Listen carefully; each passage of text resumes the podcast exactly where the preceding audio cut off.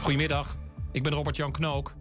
Het aantal nieuwe coronabesmettingen is verder gedaald. Er kwamen afgelopen 24 uur een kleine 7000 gevallen bij.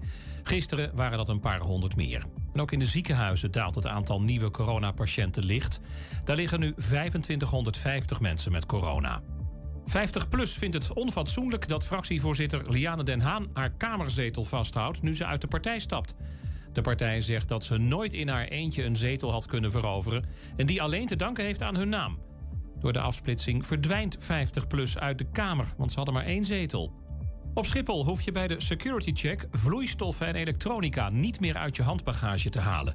De luchthaven heeft nu overal CT-scans waarmee veiligheidsmedewerkers kunnen zien wat je allemaal bij je hebt. Wat wel blijft is dat vloeistoffen maximaal 100 milliliter mogen zijn en in een apart zakje moeten.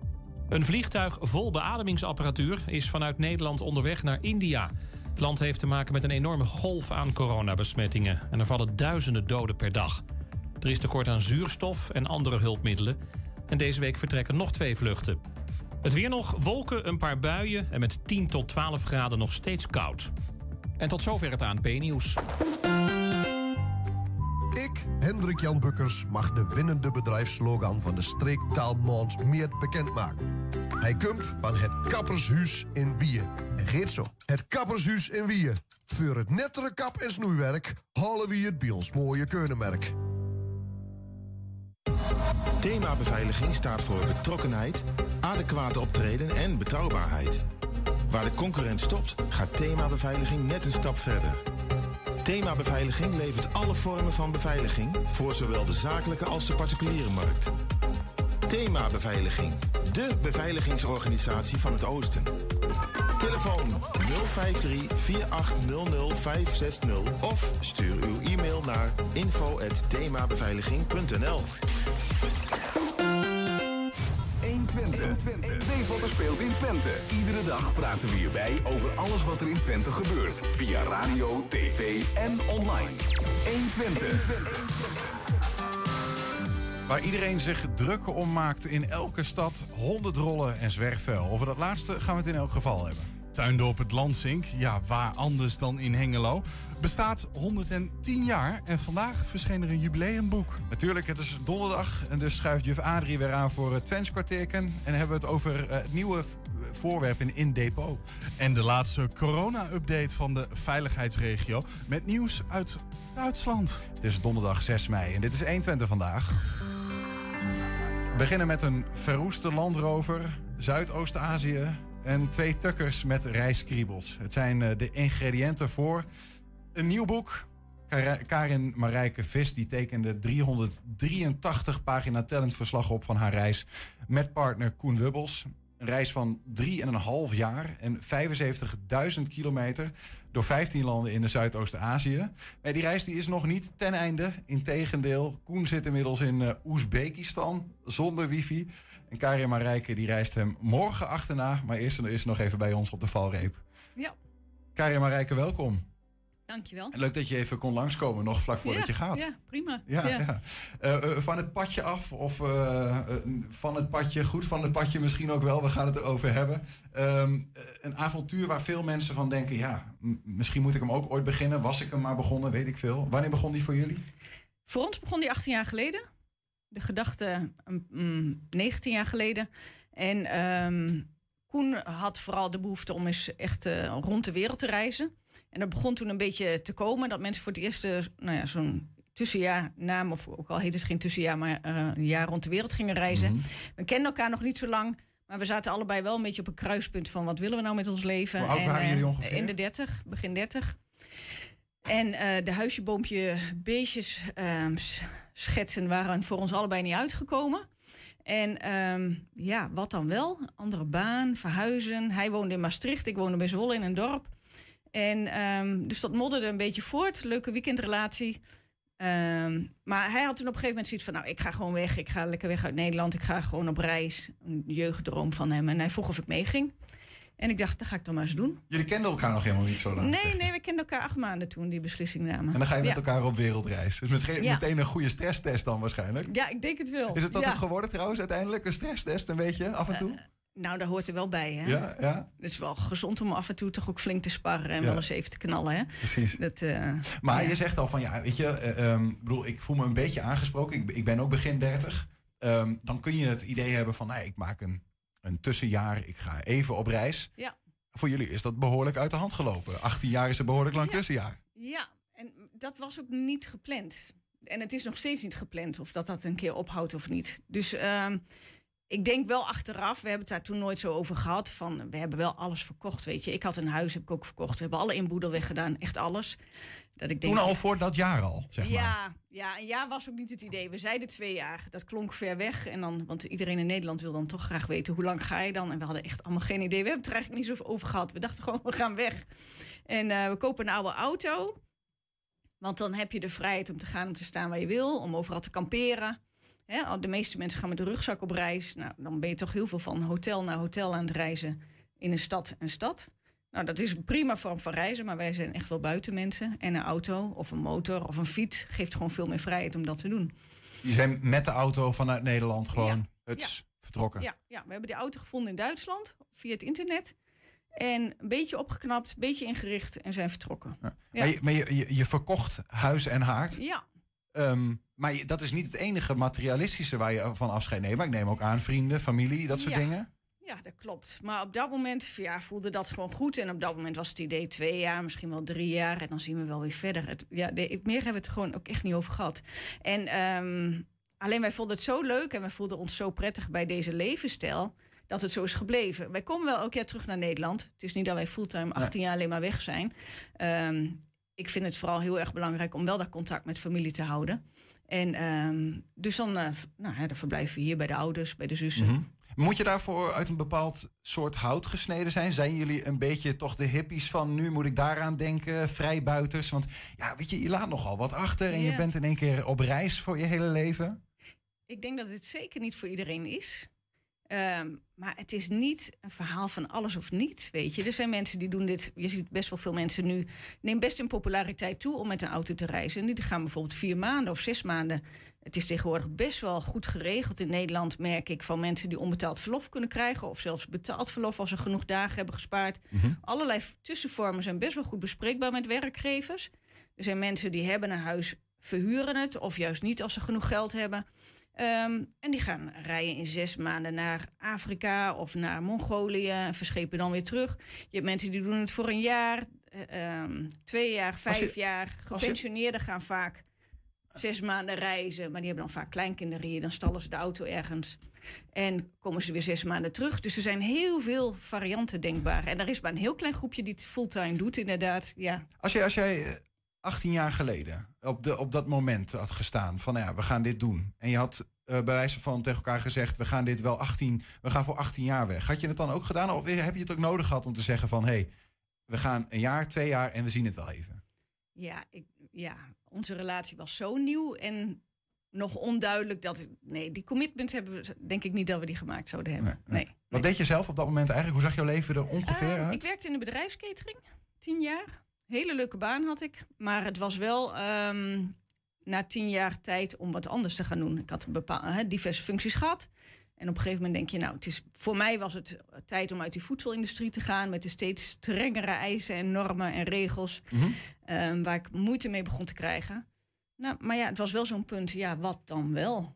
Laten we En even naar wat foto's kijken. Even een klein beetje met jullie mee op reis gaan. We hebben een aantal foto's eh, van een reis. Die is geloof ik, dat is de reis door Zuid-Amerika. Ja. Dat is een ander dan in wat jullie boek staat, begrijp Ja, ik. Dit is het eerste, eerste deel, de 3,5 jaar naar Zuidoost-Azië. Dit is de eerste reis die jullie is- ja. ja, het eerste duidelijk afgebakende stuk zou je kunnen Ja. zeggen. En eh, van, vanaf daar, toen we in Vietnam, Maleisië aankwamen, hebben we verscheept naar Zuid-Amerika. En daar zijn we negen jaar geweest. In negen jaar en daar maakten jullie onder meer deze foto's. Ja. Misschien kun je ons een beetje doorheen praten. We hebben geloof ik vier foto's van. Welke zagen we allereerst? Misschien, eh, we hadden net een foto voor staan. Deze. Wat, wat zien we hier? Ehm, nou ja, dat is een van de vele garages waar we wel gekampeerd hebben. Dit is in Ecuador. En er moest een en ander gebeuren aan de auto. En ehm, ja, omdat ons huis, eh, onze auto is ons huis. En ehm, dus wij vragen dan vaak toch of we gewoon in die auto mogen blijven slapen. En veel garages vinden dat prima. Dus dan Je slaapt dan in de garage gewoon. eh, Ja, je slaapt die dan auto. gewoon in de Die garage. Toyota, is dat die auto? Is dat ja, die, die gele gele... Toyota is van ons. Dat is, nog, is een beetje een, busachtig ding. Ehm, Zie ik dat goed of is nee, dat nee, niet? Nee, nee, Het is, het is een Land Cruiser, een wat oudere uit 84. Ehm, ja, ik vind hem qua vorm en qua uitstraling wat meer aan een Land Rover doen denken dan aan een Ja, Toyota Land Cruiser. Ja, ja. Hè, de moderne Land Cruisers zijn allemaal veel moderner en luxer ook. Qua uitstraling vind ik dit meer een Land Rover. Maar ehm, Slapen in de garage, dat hoort er dus in ieder geval bij. Omdat Ja, dat dat je huis nou eenmaal is die in die garage staat. Wat- We hebben nog een foto. Ehm, dit was een, even een tussenstap, want de laatste paar jaar eh, wisselen we af met lange afstandswandelingen. Dus we hebben in Jordanië van noord naar zuid gelopen 650 kilometer. En in Israël 1000 kilometer van noord naar zuid. En dit was, ik meen, in Turkije, waar je heel veel prachtige trails hebt. In Zuidwest-Turkije 850 kilometer de Carrion Trail. Mhm. Ja. Maar is dit gewoon eh, vrijheid, blijheid en eh, wat je moet toch ook nog op een of andere manier eh, geld verdienen? Of is dat een hele simpele ja, vraag dat klopt. Nee, dat is ook wel zo. van een Eh, loonslaaf als ik, zeg Ja, maar? ja, ja. Nee, dat geld groeit nog altijd niet aan de bomen, hè? Nee. Nee, nee, nee. We zijn vertrokken wel echt super low budget ehm, op ons spaargeld.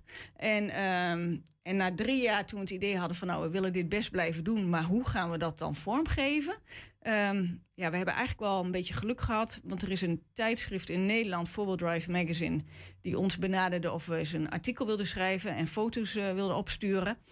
En... ehm, nou, daarmee is eigenlijk onze freelance eh, baan eh, begonnen. Dus ik schrijf. Koen was al fotograaf, die was grafisch vormgever. Dus dat sloot gewoon mooi aan. En in Thailand hadden we ook het geluk dat we een eh, Amerikaanse schrijver ontmoetten, Harold Stevens, die in 1965 met een auto als de onze rond de wereld is geweest. En die is ook eh, schrijver geworden en die heeft ons in wat eh, in die Amerikaanse wereld voorgesteld aan wat bladen. Ja. En daarna is het gewoon hard werken en je best doen en verhalen verkopen. Je leeft van de En, verhalen ja, precies. die je Ja, maakt samen. Ja, ja. En die staan ook onder meer in dit boek ja, dan. Ja, ja, Ja. ja. klopt. We hebben nog een foto. Eh, ja, dit is in Co- Colombia. En ehm, een van de mooie plekken om wild te kamperen. En ehm, ja, gewoon strak lucht, zwarte lucht. Er staat in een stukje woestijn in Colombia, heel bizar. En Colombia is heel groen met een heel klein stukje woestijn. En nou ja, wat je ziet, we slapen meestal in de daktent. Maar we kunnen ook in de auto slapen. Dus als we in de stad staan, in een straatje, kunnen we gewoon in de auto slapen. Ehm, Die, je kunt ook wel zien dat Koen fotograaf is trouwens. Prachtige Ja. foto's. Ja, absoluut. Heel mooi. Maar is het dan, ja, want je slaapt, je bent eh, in zo'n auto, dat is je hebben en houden. Ik kan me ook voorstellen dat je momenten tegenkomt eh, dat je denkt van ik hoop dat die auto blijft staan. Of dat, je, dat er heftige momenten zijn met stormen en weet ik wat. Oh, zo. Eh, qua storm. Ja, omdat die auto best wel heel log en vierkant is, waait het wel een beetje. In die tent kun je li- behoorlijk liggen heen en weer te bewegen. Dat klopt wel. Ehm, maar voor de rest, die auto blijft wel staan. Het is zo'n oude bak. Niemand rijdt daarmee weg. Hij is te verroest en rijdt niet hard genoeg om mee weg te komen. Nee. En hij is te karakteristiek. Ehm, daar maken we ons helemaal geen zorgen over. Wel eens momenten gehad in die 18 jaar dat je dacht, want jij bedoel, als je gewoon lekker hier eh, in, in de stad woont of op Padmos hier in Enschede, ja, dan heb je een huisje die blijft staan en eh, je bent als het goed is veilig tenzij mensen inbreken. Maar als je buiten op pad bent, kan er nog wel eens wat gevaar op de loer liggen. Is er, is er wel eens wat gebeurd dat je denkt, poeh, toen heb ik hem wel even geknepen? Ja, jawel, dat gebeurt wel eens. Net zoals in het gewone leven. Dus net zoals dat je hier in Enschede of in Amsterdam weet... op bepaalde tijden van de dag of nacht... kun je beter op bepaalde plekken niet zijn. Ja, heb je dat als reiziger natuurlijk ook.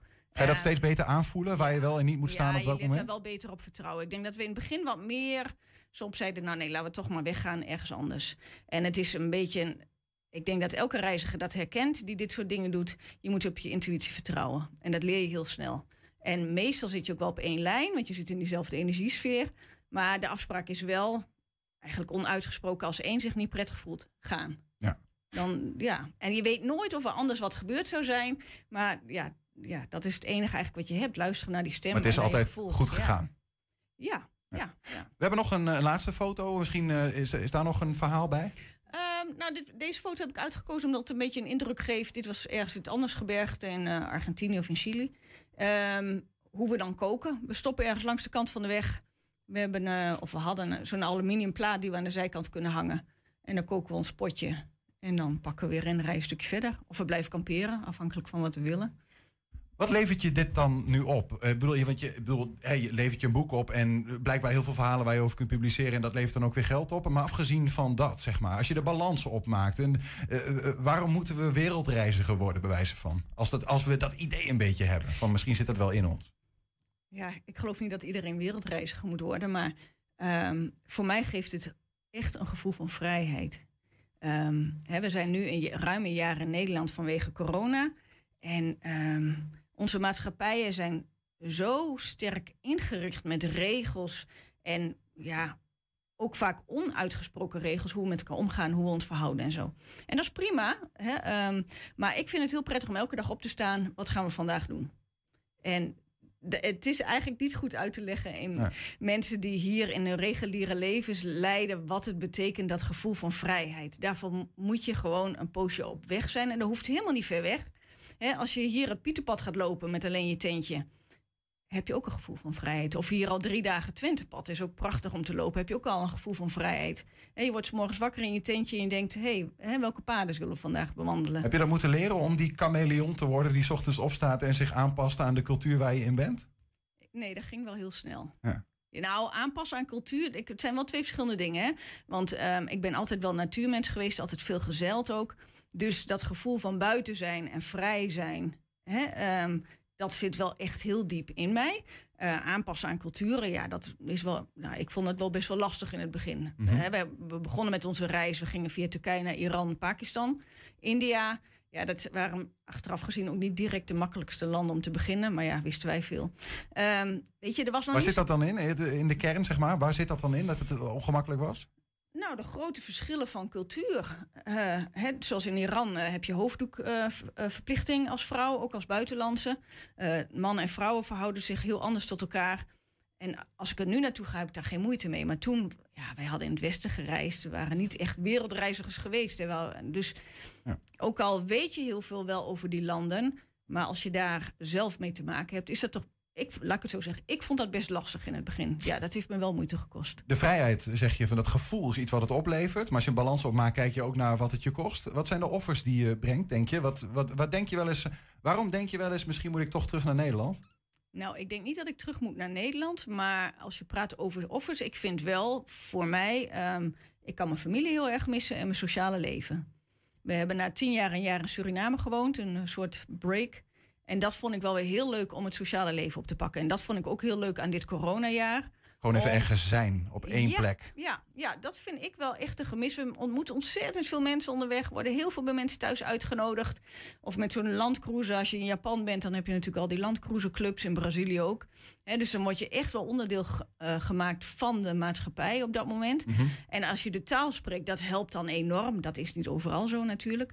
Maar ja, ik vind dat wel... Ehm, een prijs die ik betaal. Ja, maar goed, uh, ik, ja, ik geloof ook wel, het leven is nooit alleen maar mooi en fantastisch. Ja, ehm, en de reiskriebels zijn inmiddels ongeneeslijk misschien wel.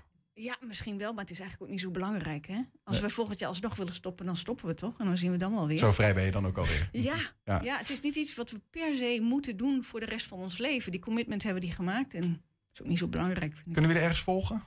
Zeg maar, we ehm, hebben natuurlijk het boek en we hebben de ja, nou, artikelen. Als je, als je googelt op dit moment op Van het Pad af... Uh, of Land Cruising Adventure, dan kom je ons overal wel tegen. Met de website en Facebook en Instagram en dat soort dingen allemaal. Fantastisch. Ja. Dankjewel voor een prachtig uh, wereldreizigersverhaal. Nou, graag gedaan. Van twee tukkers. Ja. Karin Marijke Vis, bedankt voor de komst. En ja, uh, veel reisplezier vanaf morgen weer naar Oezbekistan. Ja, klopt. Ja, gaat lukken. Dankjewel. Ja, straks hier de laatste corona-updates uit onze regio. Maar eerst, Enschede is poep op de stoep en vuil in de straat. Zoals vroeger zo mooi gezongen werd. Ja, precies. Ja, dat stelt eh, de lokale partij Democratisch Platform Enschede. Die partij is helemaal klaar met het vervuilde straatbeeld. Dat volgens hen is uh, toegenomen na de invoering van afvalsysteem DIFTAR. Maar helaas verandert het stellen van vragen en de eindeloze discussie in de gemeenteraad weinig, zo schrijft de fractie. En daarom heeft de partij opnieuw vragen gesteld. Ja, zo, zoals dat kan gaan. Morgen Breijuit is bij ons in de studio. Morgen welkom. Mag, je mag iets dichter bij de microfoon komen zitten als je wil, dan uh, kunnen we je goed horen. Welkom, fijn dat je er bent. Ja. Waarom gaan uh, deze vragen wel tot een oplossing leiden? Nou ja, goed. Uiteindelijk ja, dat je maar even afwachten of het tot een oplossing gaat leiden. Uh, maar uh, van niks komt niks, dat is onze insteek. En uh, ja, goed, we horen continu in mantra's natuurlijk van hoe fantastisch DIFTAR is en dat het allemaal de schuld ligt bij de burger. Maar ja, wij kijken er iets anders tegenaan. Dus eh, ja, nou goed, uiteindelijk zullen we erover door moeten blijven zeuren om het op de agenda te houden. Ja, DIFTAR is wel een centraal dingetje in jullie vragen, hè? Nou, dat lijkt het af en toe zo, maar het is wel een belangrijk thema. Ja, maar kun je proberen samen te vatten welke vragen jullie aan het college hebben gesteld? Nou ja, uiteindelijk gewoon van wat is hun eigen verantwoordelijkheid? Want ze leggen het nu bij de burger neer. Mm -hmm. Sinds januari 2017 is DIFTAR nou ja, opgedrongen een beetje aan de inwoner. Dat is natuurlijk niet uh, omgevraagd uh, vanuit uh, uit de maatschappij. Het is een idee vanuit het college geweest destijds van jongens, dit is het systeem. Dat is een politiek idee toch? Dus dat is dan toch een vertegenwoordiging van de burgers in Enschede? Nee, nou goed, kijk, uiteindelijk zijn het ideeën die leven in de gemeenteraad. En na de verkiezingen meestal, want meestal staat het helemaal niet in een programma. En zo ontstaat het uiteindelijk in de gemeenteraad. Komt er een, een collegevoorstel en met een meerderheid van stemmen wordt zoiets aangenomen. je kunt je afvragen van, is daar de inwoner daadwerkelijk meegenomen? Nou ja, als je nu dus kijkt in Enschede, in sommige wijken werkt het fantastisch. En andere wijken is het gewoon uh, een grote zooi. Ja. Um, een van de dingen die uh, jullie schrijven is, laat ik even vertellen, het afvalsysteem DIFTAR werkt in, in de kern zo. Heb je grijs afval of grof vuil, uh, dan betaal je. Ja. heb je dat niet, dan betaal je niks of minder, zeg maar. Um, maar jullie zeggen van uiteindelijk leidt dat ertoe dat als ik afval uh, weg moet brengen, moet ik voor betalen. Dus dan kan ik het maar beter niet in de container gooien en hoef ik er ook niet voor te betalen. Maar daar heb je de rest van de Enschede'ers. Uh, die betalen er stiekem toch voor, omdat je allemaal afval in het straatbeeld hebt. Ja. Is dat een beetje wat jullie... Uh... Nee, niet helemaal. Maar ik bedoel, ik vind het mooi dat je het op die manier benoemt. Want ja. dat geeft precies aan dat wij DIF toch op één bult gooien. Want ik maak een onderscheid tussen restvuil en tussen het plastic vuil. Mm -hmm. We zien natuurlijk inderdaad bijplaatsingen bij restvuil, maar we zien ook bijplaatsingen bij plastic. En wat je ziet bij het restvuil is dat die containergaten van 60 liter zijn verkleind naar 30 liter. En vooral mensen die in hoogbouw wonen, ja, die kunnen vaak helemaal niet weg met hun rotzooi. Want je hebt af en toe ook wel iets groffers weg te gooien. Nou, dat kun je prima kwijt in je grote grijze container, wat iedereen achter in de tuin heeft. Maar woon je in hoogbouw of heb je een heel piepje tuintje, ja, dan zit je daar niet op die wacht op die rotzooi. Nee. Dus ja, uiteindelijk ga je die bijplaatsing krijgen. En het is natuurlijk ook psychologisch. Maar je hebt het even je hebt over die versmalling van die containers, ja. heb je het. Maar die, die is toch juist gedaan zodat hoogbouwwoners... die hebben vaak niet een, een, een 60 liter zak vol met afval. Zodat ze niet een 60 liter bak hoeven te vullen... en dus daar ook niet zoveel hoeven, hoeven te betalen. Ja, maar dat is flauwekul. Ik bedoel, op het moment dat je in hoogbouw woont... heb je gewoon nog steeds je grote container staan. Want een 30 liter zak vind je niet eens. Het zijn meestal 40 liter zakken. Ik woon zelf op, in een appartement. En ik ben wel blij dat die, dat, die, dat die dingen wat smaller zijn. Dat ik niet 60 liter hoef te betalen.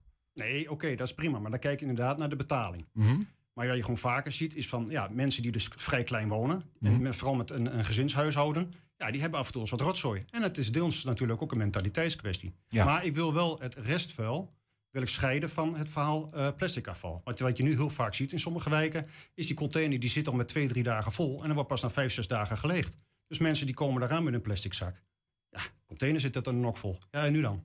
Ja, terugnemen tien verdiepingen omhoog. Misschien maar in je keuken neerzitten. In de hal waar je buurvrouw uh, de nek erover de, de, plastic uh, container zit vol en daarom worden de plastic zakken ja. naastgelegd. En ja. dat geeft een probleem, zeg je. En, ja. en dat, dat komt doordat? De container vol zit. Ja, en doordat Twente Milieu dus uh, niet vaak genoeg een rondje maakt.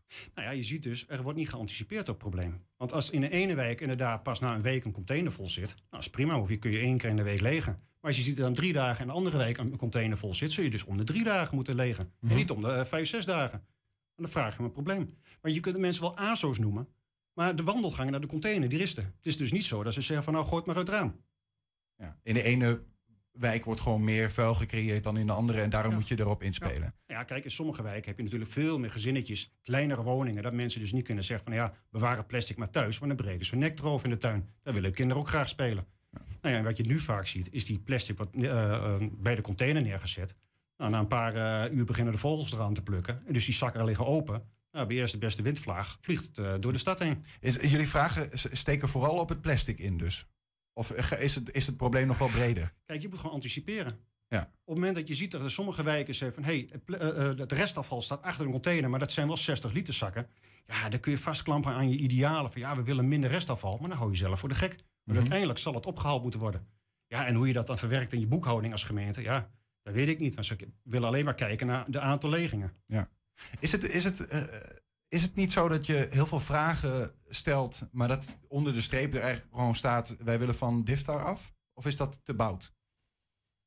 Nou, ik denk dat je moet anticiperen. Als er gewoon plaatsen zijn in, in Enschede, het werkt prima, kun je het misschien handhaven. Maar of dat dan um, ja, beleidsmatig te hanteren is, ja, dat moet je bekijken. Mhm. bedoel, er zijn al heel veel gemeentes die, gaan, die zijn wel teruggegaan naar nascheiding. Amsterdam is daar een voorbeeld van. Niet dat daar zo ideaal is.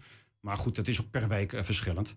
Maar goed, eh, ik vraag me wel eens af of de wethouder is eh, gaan kijken bij Ommerin in Friesland. Want die doet nascheiding en die zegt, ja, wij kunnen vele malen beter scheiden dan een inwoner kan.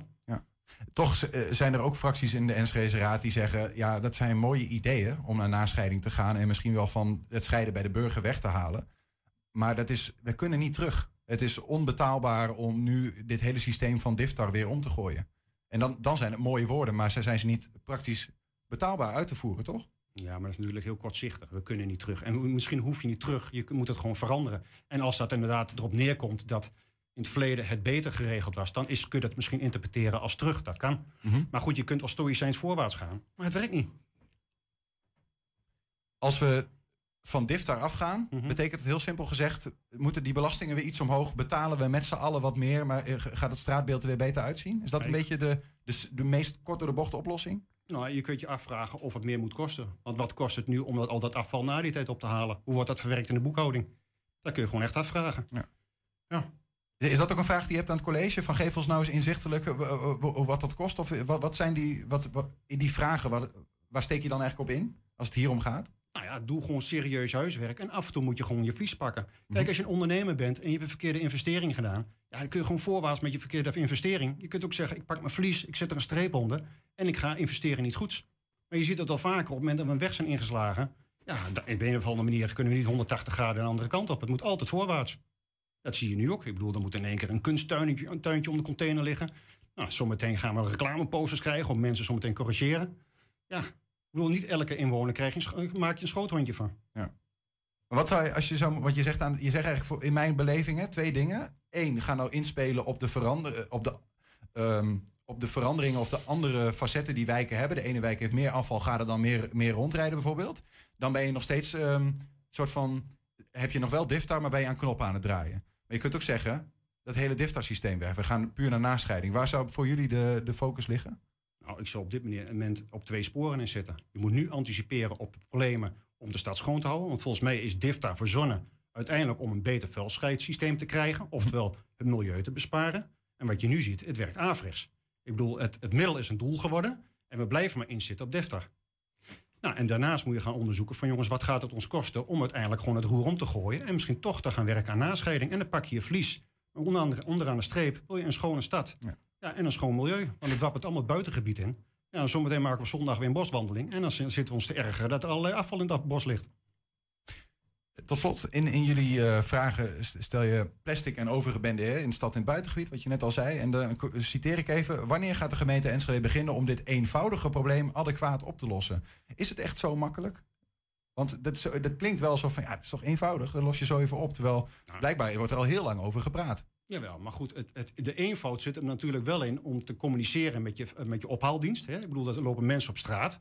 Nou, die zien uiteindelijk, ik heb een container gelicht en er ligt een rotzooi. Wat gaan we daarmee doen? Nou, die terugkoppeling is er volgens mij helemaal niet. Naar Dus Twente Milieu niet. Net Twente Milieu niet. Kennelijk moet je echt als inwoner gaan bellen van jongens, er ligt hier een rotzooi voor de deur. Ja, en daarnaast praten we natuurlijk ook over het groenbeleid. Want wat je vaak ziet, ja, mensen die stappen uit zo'n autootje, die gaan een tuintje zitten harken. Ja, groen neem ik aan dat je de, alles weer netjes wil hebben. En vervolgens blijft al die rotzooi liggen. Dus een prikker is er niet bij, een vuilniszak is er niet bij.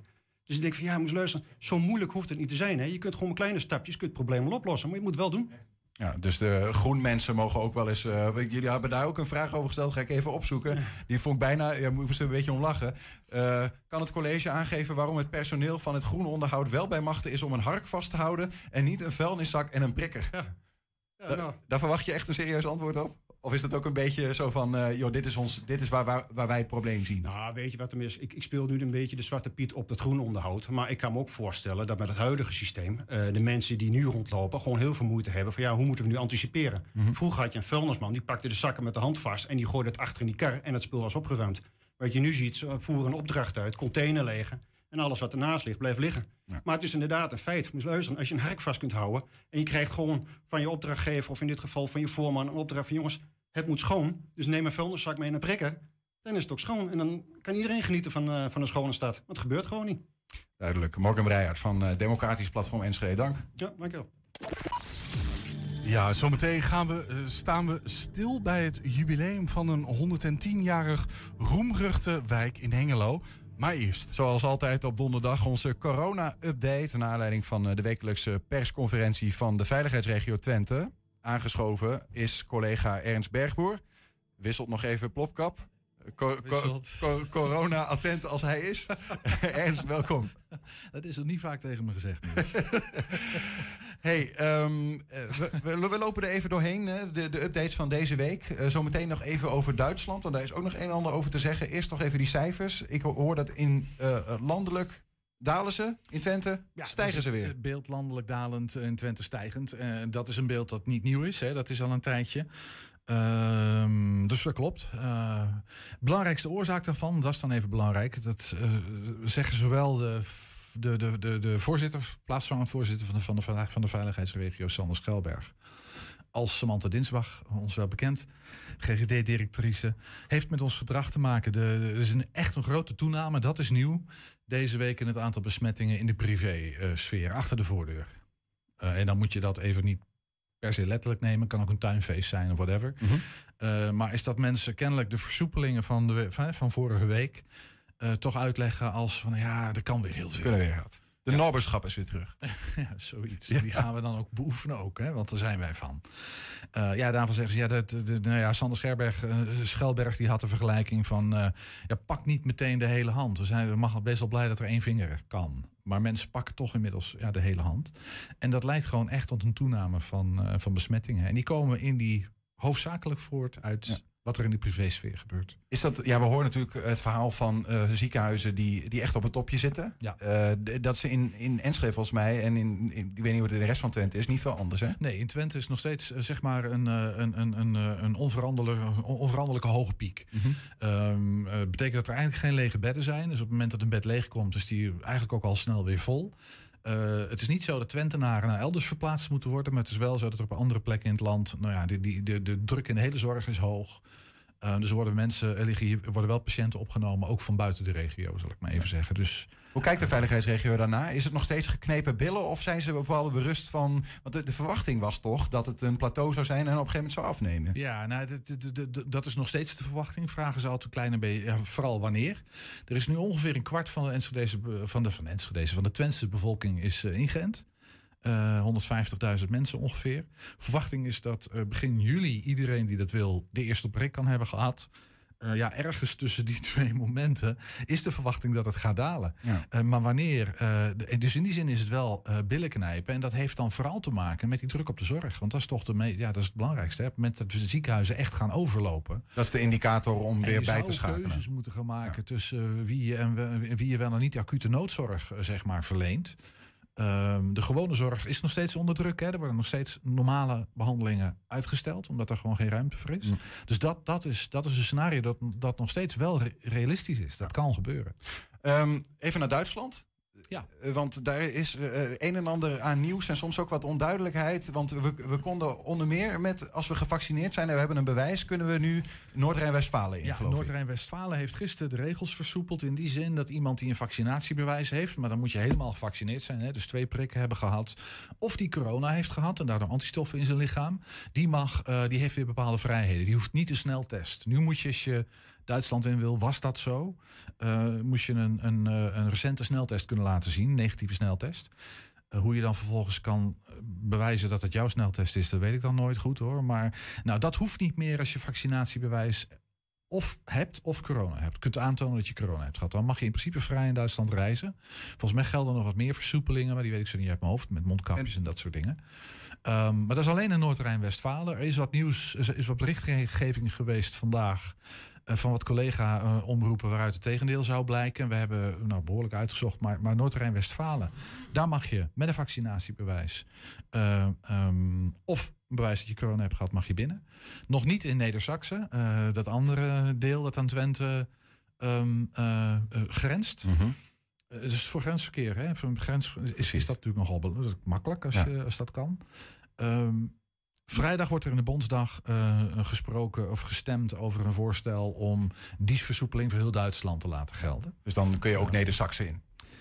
dat zou dan, maar dat moeten we nog even afwachten of dat ook zo uh, besloten wordt. Ja, het is in Duitsland anders dan in Nederland. Hè? Daar uh, wordt landelijk beleid gemaakt, maar zo'n deelstaat mag afwijken. En dat doen ze meestal door soepeler te zijn, zelden door strenger te zijn natuurlijk. Mm -hmm. En Neder-Saxe is daar wel een voorloper in. Die zijn soepeler dan, uh, dan het nationale beleid. En er komen gratis testmogelijkheden voor aan de Nederlandse kant van de grens nu, geloof ik. In volgens mij Hengelo en Enschede dacht ik dat er nu uh, testplekken zijn waar je gratis sneltest kan laten doen. Mocht je Duitsland in willen, dan kan je dus zo'n zo'n um, gevalideerde sneltest en een bewijs daarvan kan je, kan je Duitsland meenemen. Ja, er zijn wel wat voorwaarden, geloof ik. Je moet dan, uh, het moet om werkverkeer of schoolverkeer of zorgverkeer gaan. Nou ja, we hebben een artikel over op, staan op onze website. Ja. Er staat wat de voorwaarden zijn. Precies. Ja.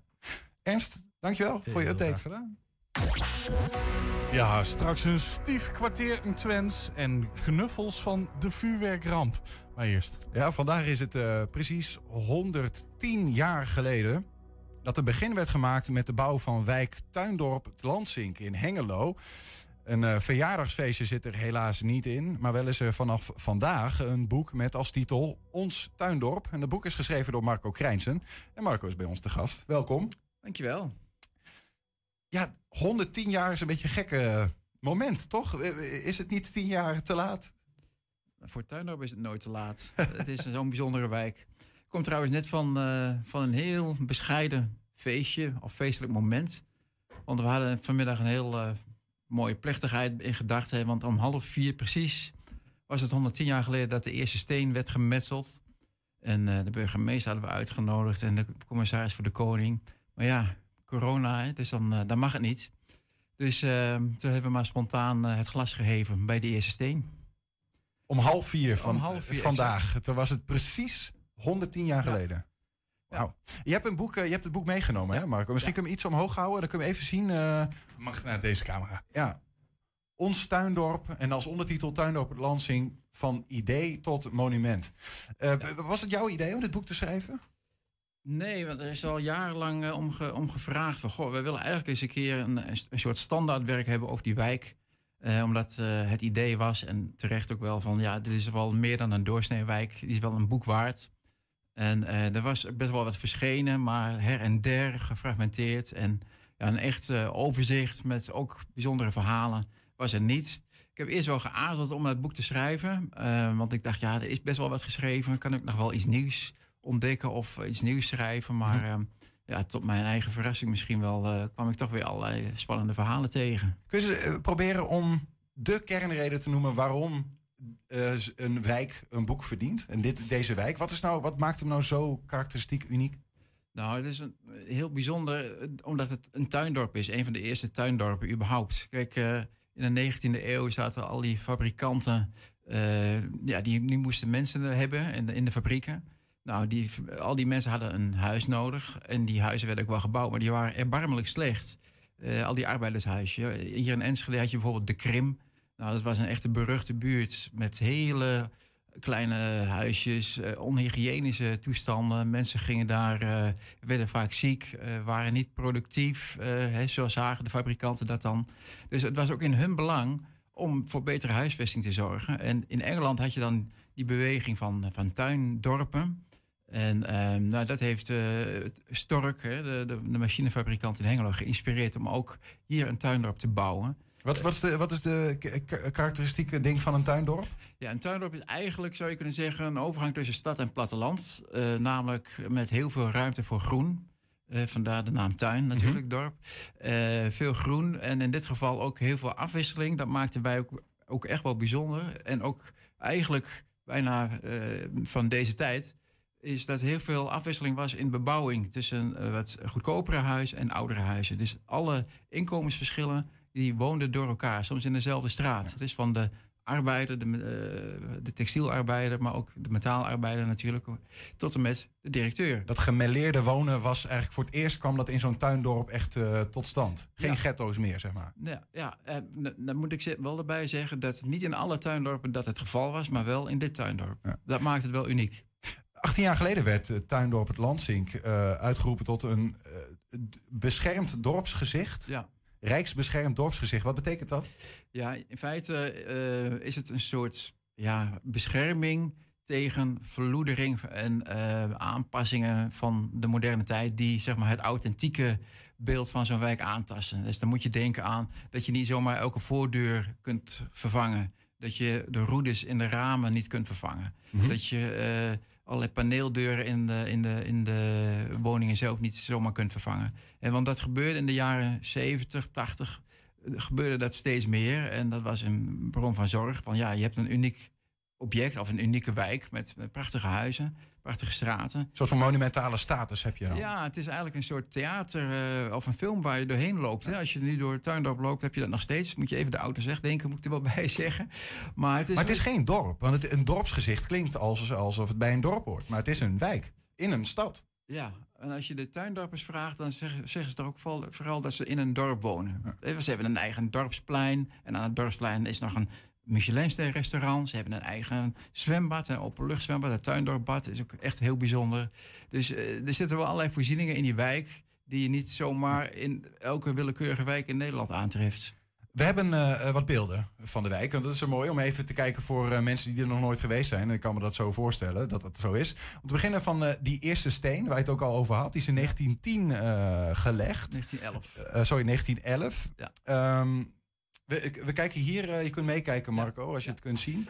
Ja, dit is het geheim van, van, van het tuindorp, wordt het wel genoemd. Dit is een zandloper. Uh, de 100, bij het 100-jarig bestaan daar uh, aangelegd. En als je door dat gat en die zandloper kijkt, dan kijk je, krijg je een uh, zicht op die eerste steen. Die dus op, 11, of op 6 mei 1911 gelegd is. Wie legde hem? dat was Frans Stork. Dat was de zoon van meneer Koen Stork. En Frans was zes jaar of zo. En die zou later de laatste directeur van de Storks zijn van de machinefabriek. En uh, eigenlijk was de bedoeling dat uh, zijn zusje de eerste steen zou metselen, maar die had geen zin. Die begon een beetje te jengelen. Ja. Dus die moest Fransen maar doen. Ja. En ja, het grappige is ook van uh, de Storks die zeiden van ja, we eigenlijk willen wij zelf niet in die wijk wonen. Want dan heeft, hebben de mensen, onze mensen die daar in die wijk wonen, het gevoel dat we hun iedere keer op de vingers kijken. Uh, want dat was bijvoorbeeld in Delft ook wel eens gebeurd. En uh, nou, dat was slecht bevallen, dus dat gingen ze absoluut niet doen.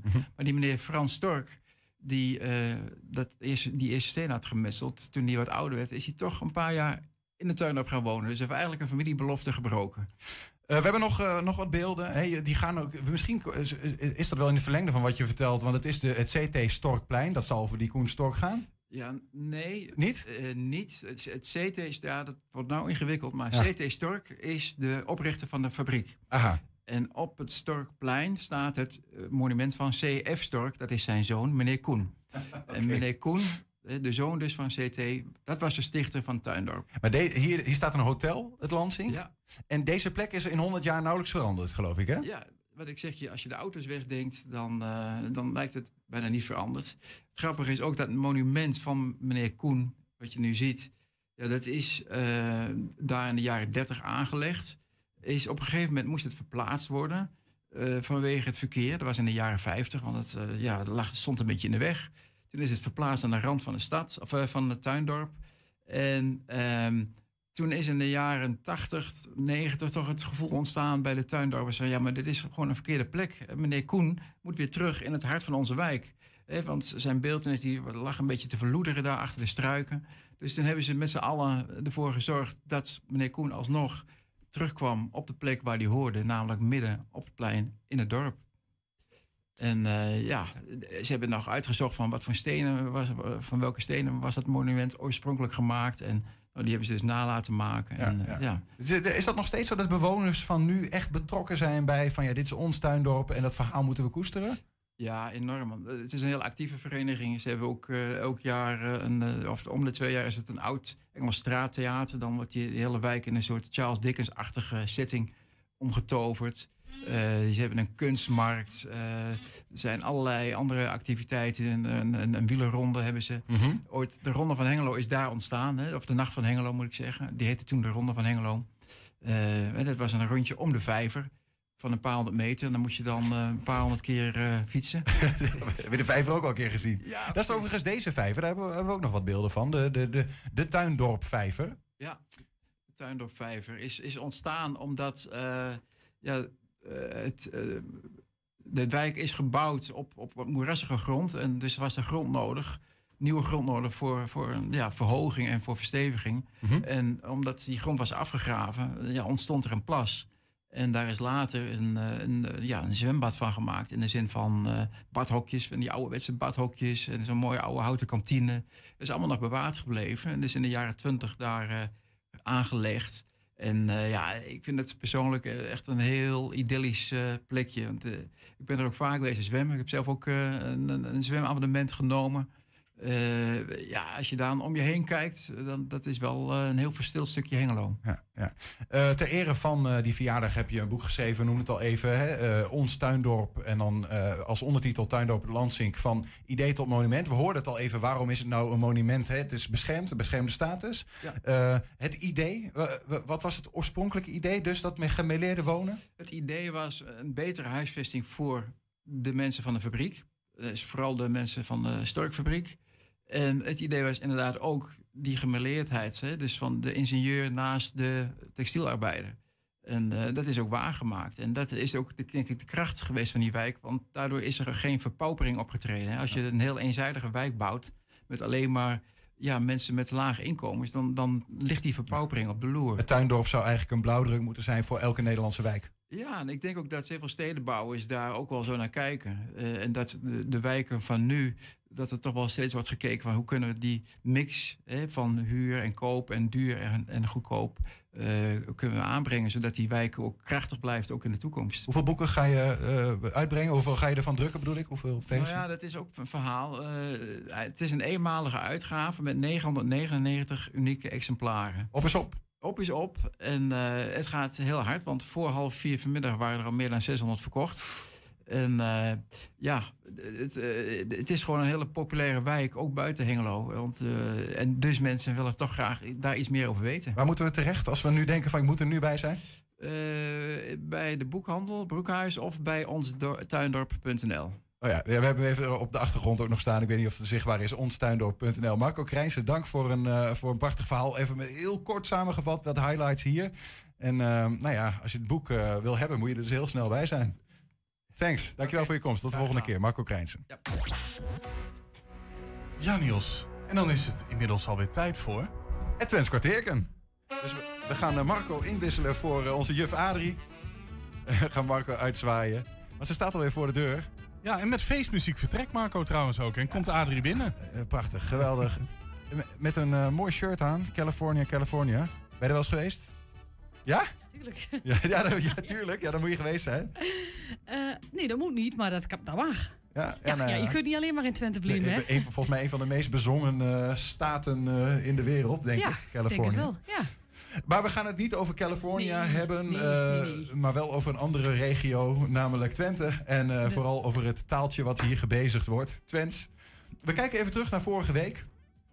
Toen hadden wij vier nieuwe woorden. Neem ons even mee, Adrie. Borken, dat is een grenspaal.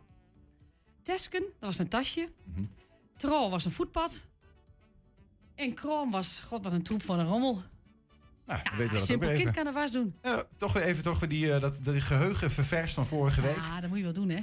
Maar we, we zijn natuurlijk ontzettend benieuwd naar wat je ons deze week wil gaan leren. Nou, van alles. Ja, ik wil jullie al heel veel leren, maar ik weet niet of het allemaal lukt. Ja, jawel, dat komt helemaal goed. Eh, maar daarvoor gaan we eerst dan natuurlijk weer even naar onze vriend Ernst in de museumfabriek. En dit keer over een eh, verhaal wat inmiddels bijna 21 jaar geleden eh, super relevant was in Enschede. Dat is de plek waar, eh, waar het gebeurd is. De vuurwerkramp. Eh, dit jaar straks 21 jaar geleden. Ehm, dit is een echt een fantastische manquette. Ik heb hem nog niet eerder gezien. Situatie van voor de ramp. En we staan in, in, een nieuwe wonderkamer van, van het Rijksmuseum. Van het eh, Rijksmuseum, van de, van de museumfabriek natuurlijk. Ehm, van hagelslag tot vuurwerkramp. Gaat over rampen. Onder andere de vuurwerkramp. Daar gaat ook het item van vandaag over. Ehm, ja, kijk maar.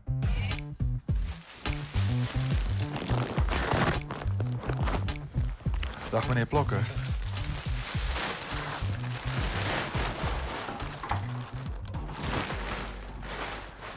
Ja, we zitten hier eh, op een vrieskist. Ja, tenminste, we, ik zit op een vrieskist. Net een, een grote zak met knuffels over de vloer hier uitgestort. Nogal oneerbiedig, maar wel gedaan.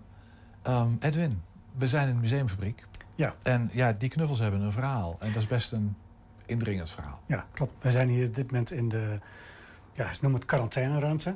Nou, en deze beren, die zijn eigenlijk, ehm, ehm, deze knuffels, die zijn afkomstig. ehm, eh, die zijn ooit neergelegd als troost bij de vuurwerkramp van Enschede. Alright, dus de vuurwerkramp had plaatsgevonden.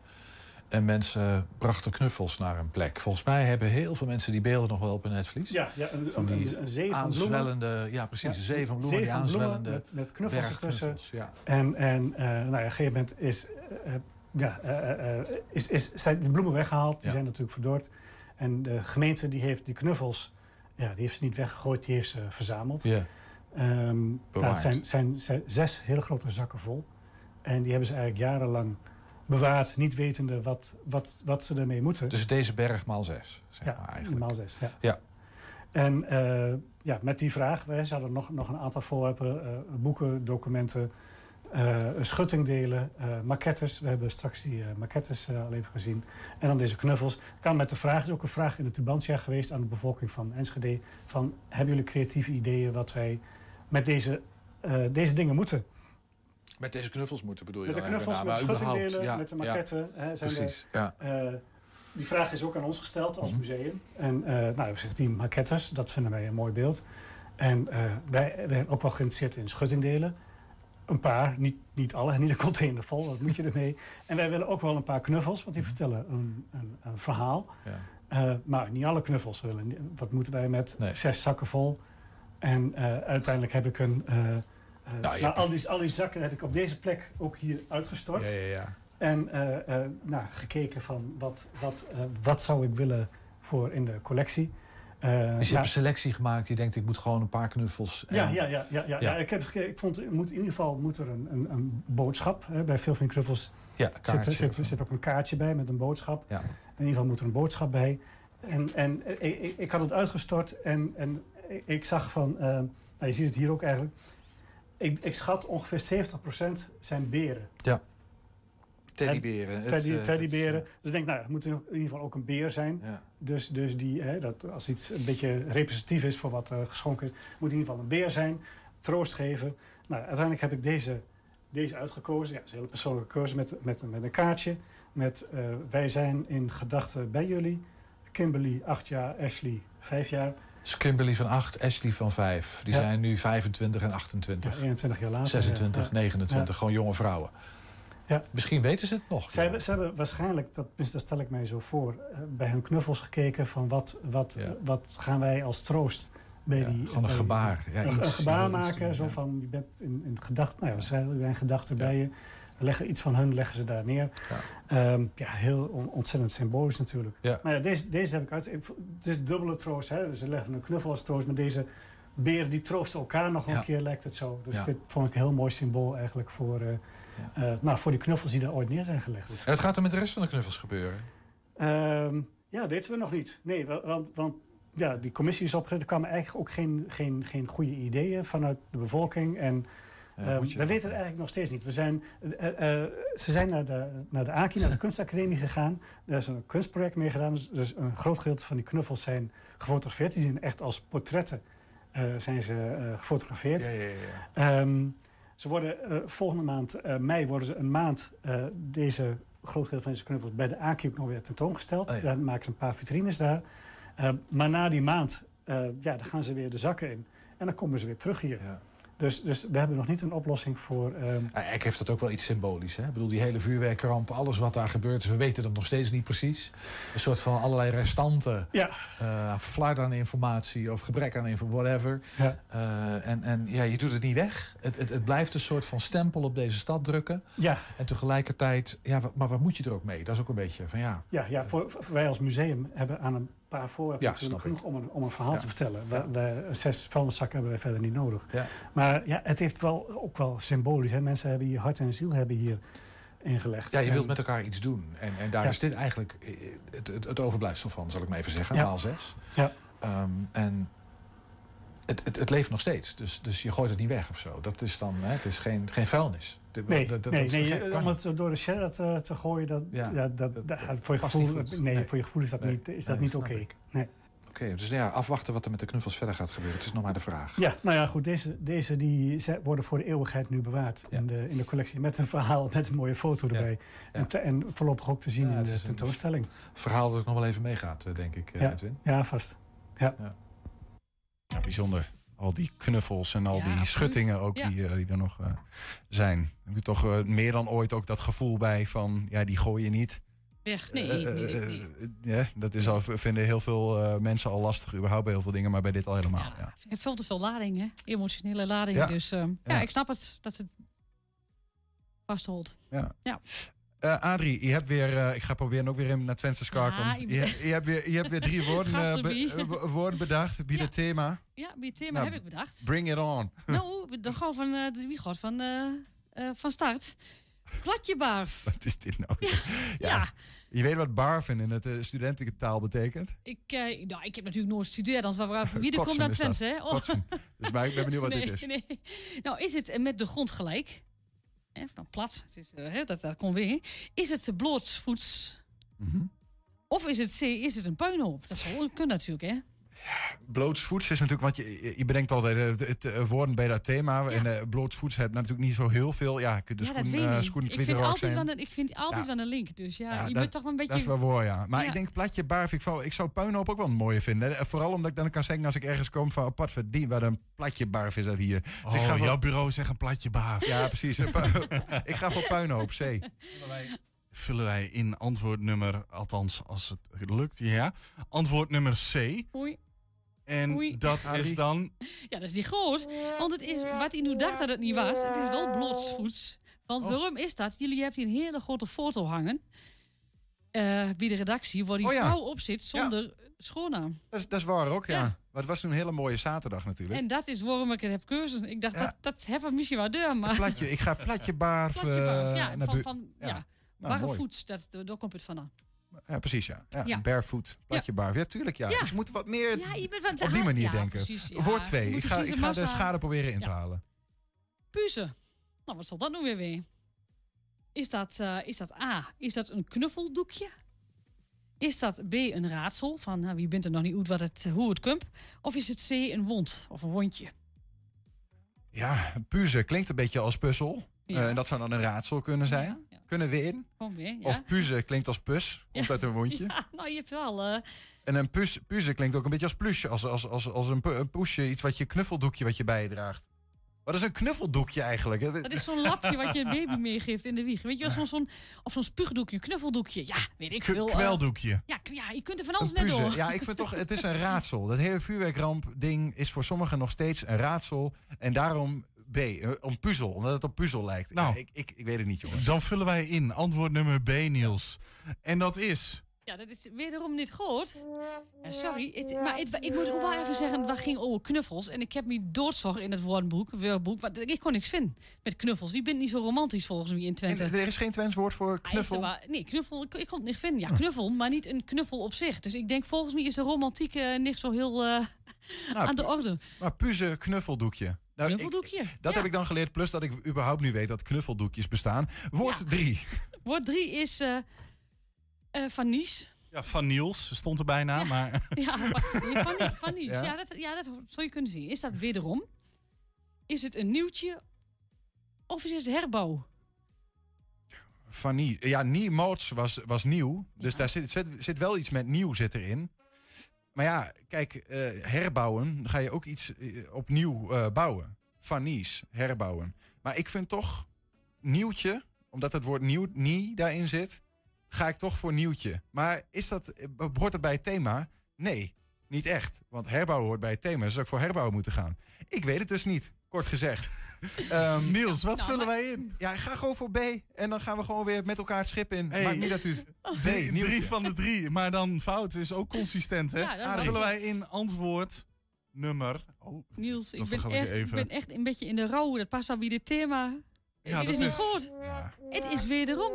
Van Nies is opnieuw. ja, ik ben gewoon een Van beetje van de leg, ook Ja. van, het, van, het, eh, van het thema. Ja, maar dat is ook wel zo. Dat klopt. Maar ik dacht, eh, nieuwtje, dat klopt. Het was toch ook nieuws? Het was ook nieuws dat Ja. dat gebeurde. Maar en, en herbouwen snap ik natuurlijk. Daarom heb ik het er ook neerzet. Maar het is wederom. Wederom. Wederom is Enschede een, aan een ramp. eh, ja, precies, ja. Van Nies. eh, van Nies. al in de, ja, de stadsbrand 1862. 1862. Daarom heb ik het eh keuze. Ja, je moet ook wel een beetje nadenken. Ja, sorry. Dat, eh, blijkbaar heb ik dat eh, uitgezet nu. Maar eh, eh, da- dan leren we, hè? dat is ook wel weer zo. Ehm, ik heb nog één kans om een, een- het een beetje goed te maken. En ik krijg dan hulp van de mensen op straat. Want Eline ging met het woord van de week weer de straat op. Een nieuw Twents woord van de week. Vandaag gaan we de straat op met het woord lemken. Het kan slappeling, lampje of lammetje betekenen. Ik ben benieuwd of ze het weten. Het Twentse woord lemken. Heeft u daar al wel eens van gehoord? Nee, nooit. Nee, nooit van gehoord. Ja, ik kan wel redelijk eh Twents lemken. Jij kunt wel een beetje Twents. Ja, ik kom hier zelf vandaan. Lemken. Eh, ja, dat heb ik vast wel gehoord. Ik denk een eh, lampje. En denkt u te weten wat het betekent als u deze drie woorden zo ziet? Nou, ik denk een lammetje. Een lammetje? Ja? Nou, dat zou ik niet eens heel zeker weten. Ik denk een... eh, ik denk een lammetje. Een lempken. Nou, ik denk een lampje, dat, daar, daar moet de P bij in. Lempken. Jij zegt slappeling, waarom denk je dat? Ja, lamppersoon, denk ik. Slappeling. Ja, op die manier. ik weet het niet. En jij? Ik heb geen idee, maar dan ga ik voor het laatste optie, denk ik. Lammetje? Ja. Ik denk lammetje. Lammetje? Waarom eh, denkt u dat? Ja, het klinkt als lemke. Ja. En jij, wat denk jij? Lampje. Lampje? Wat zou dat aan in het Nederlands betekenen? Als je tussen deze drie woorden zou moeten kiezen. Zou het Eh, dan slappeling zijn, of lampje, of lammetje? Lampje, denk ik. Lampje. Ik denk, ik zou er een, lam- een lampje van maken. Een lampje. B, ja. En waarom denkt u dat? Nou, als iemand zegt, doe me het lampje aan, dan eh, zou ik zeggen, ja, doe het lampje aan. Dan ga ik niet lammetje ophalen. Ik denk lammetje. Ja, lammetje denk, denk ik. Ja. En waarom? Nee, lemken is een lampje. Lampje. Ja, lemken is een lampje. Dat Zegt denk het heel eh, resoluut? U kent het denk woord? ik wel. Ja, mag ik wel. Ik denk slappeling. Jij denkt slappeling, waarom?